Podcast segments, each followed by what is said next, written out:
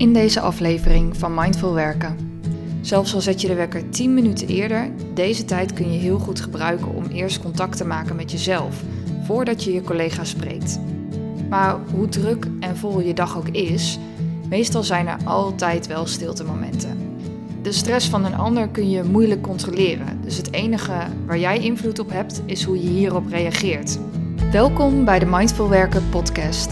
Mijn naam is Lisa Langekamp en in deze podcast vertel ik je alles over werken in je eigen tempo. Welkom bij alweer de tweede aflevering van Mindful Werken. En ook in deze aflevering beantwoord ik een vraag over werken in je eigen tempo. En dat doe ik door praktische tips en ervaringen te delen die mij hebben geholpen meer rust te vinden in een wereld waarin de druk om te presteren steeds groter wordt en voldoende niet genoeg is. De vraag die ik dit keer beantwoord is van Marga. En die heb ik ontvangen via Instagram.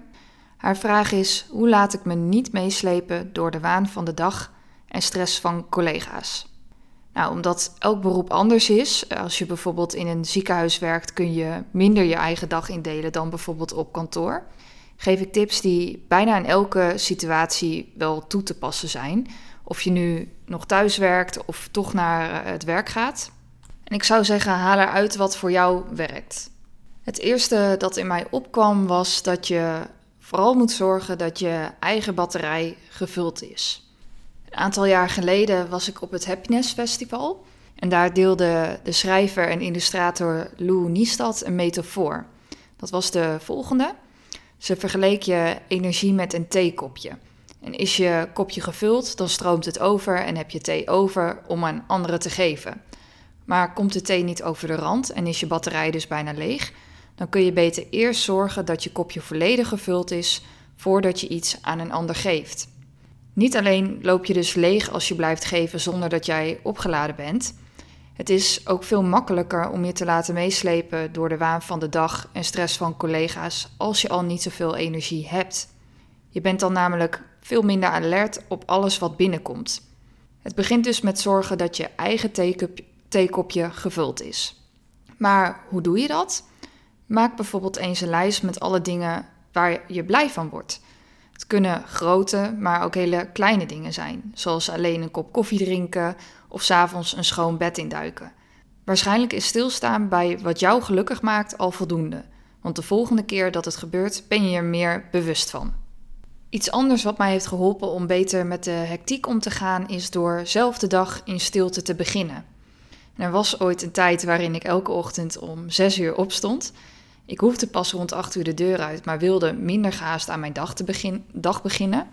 En doordat ik alle tijd had om me aan te kleden en te ontbijten, kwam ik minder gestrest aan op mijn werk. En daardoor kon ik ook makkelijker met de hectiek omgaan. Inmiddels is deze goede gewoonte gesneuveld, maar een ochtendritueel hoeft geen uren te duren. Zelfs al zet je de wekker 10 minuten eerder, deze tijd kun je heel goed gebruiken om eerst contact te maken met jezelf, voordat je je collega spreekt. Wat zou je dan bijvoorbeeld kunnen doen in die extra tijd? Nou, je kunt je eerste gedachten opschrijven of de belangrijkste to-do's die in je opkomen.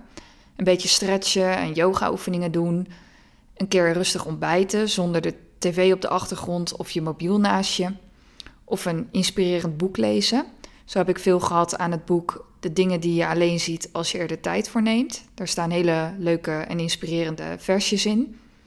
Je kunt ook dansen op je favoriete muziek, wandelen naar het station in plaats van de bus nemen en natuurlijk mediteren. Maar doe in elk geval iets wat jou helpt stil te staan bij wat er ochtends in jou omgaat en waar jij behoefte aan hebt. Zo ga je al heel anders de dag in. Ook overdag zijn er meestal genoeg kleine stiltemomenten te vinden. Maar sinds we altijd en overal bereikbaar zijn, zijn die loze momenten er nauwelijks meer. En gaan we ze opvullen door bijvoorbeeld onze mobiel er toch bij te pakken, even door te werken of iets anders nuttigs te doen, zoals de was opvouwen. Maar hoe druk en vol je dag ook is, meestal zijn er altijd wel stiltemomenten. Je moet er alleen oog voor hebben en niet in de valkuil trappen deze spontane onderbrekingen weer op te vullen. Zo kun je ook de stilte ervaren als je een keer naar het koffiezetapparaat loopt, in de file staat, op de lift, trein, bus wacht. Ehm, de ene vergadering net is geëindigd en je een paar minuten over hebt tot de volgende begint, of op het toilet zit. En het is misschien een open deur, maar een toiletbezoek is typisch zo'n moment waarop je even tot jezelf kunt komen, of je nu thuis werkt of ergens anders. Een korte mindfulness oefening die je op het toilet kunt doen is de ademruimte. Door even je ogen te sluiten en je bewust te worden van je stemming, lijf, gedachten en ademhaling, neem je automatisch afstand van de dagelijkse hectiek. Het mooie is dat je nu al kunt oefenen met deze meditatie, want ik heb hem ook gepubliceerd bij de rest van de afleveringen. Dan de vierde tip. En die deed me denken aan iets wat een collega eerder zei tegen mij. En dat is: iedereen heeft recht op zijn eigen probleem. Nou, ik moest hard lachen toen ik deze zin voor het eerst hoorde. Maar het kan ook zijn dat je het een beetje lullig vindt. En toch denk ik dat er een kern van waarheid in zit. Zeker als je empathisch bent, je snel verantwoordelijk voelt en geneigd bent eerst aan anderen te denken en daarna pas aan jezelf. De zin deed me denken aan een typische time management vraag die je jezelf regelmatig kunt stellen. En dat is: moet ik dit nu doen? En nu denk je misschien, oh, die is makkelijk te beantwoorden, maar telkens leg je de klemtoon ergens anders. Dus de eerste keer dat je jezelf deze vraag stelt, zeg je: moet ik dit nu doen? Daarna moet ik dit nu doen? Dan moet ik dit nu doen?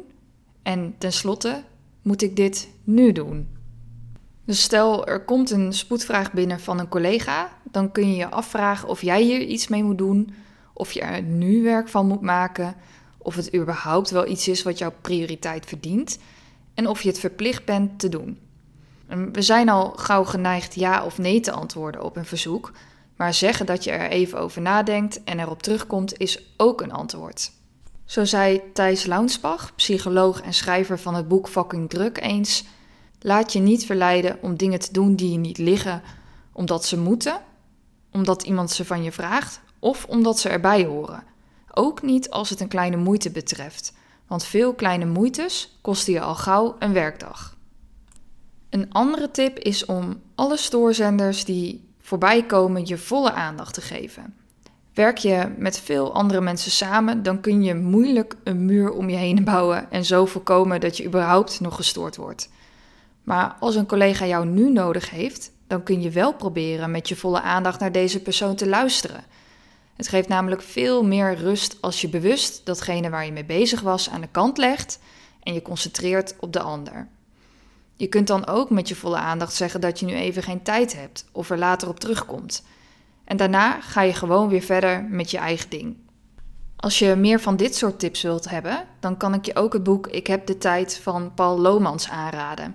En hij zegt ook: door volledig te switchen met je aandacht, ervaar je de onderbreking als een afzonderlijk item in plaats van als een storende factor. Je blijft niet tussen twee dingen in hangen. Dus kies of je aandacht bij de ander of je aandacht bij jezelf. Ik zou echt nog veel meer tips kunnen geven, maar eigenlijk het kortste antwoord op deze vraag is: zorg goed voor jezelf en weet dat je je eigen reactie in de hand hebt. Dan volgt de rest ook vanzelf. De stress van een ander kun je moeilijk controleren, dus het enige waar jij invloed op hebt is hoe je hierop reageert. Oefen daarom van moment tot moment met bewust worden van wat er in en om je heen gebeurt. En zo creëer je vanzelf ruimte tussen wat er nu speelt en jouw reactie. Of zoals hoogleraar neurologie en psychiatrie Viktor Frankl zegt: tussen stimulus en reactie zit een ruimte. In die ruimte ligt onze kracht om onze reactie te kiezen. In onze reactie ligt onze groei en vrijheid. Het idee dat je altijd een keuze hebt, geeft enorm veel vrijheid.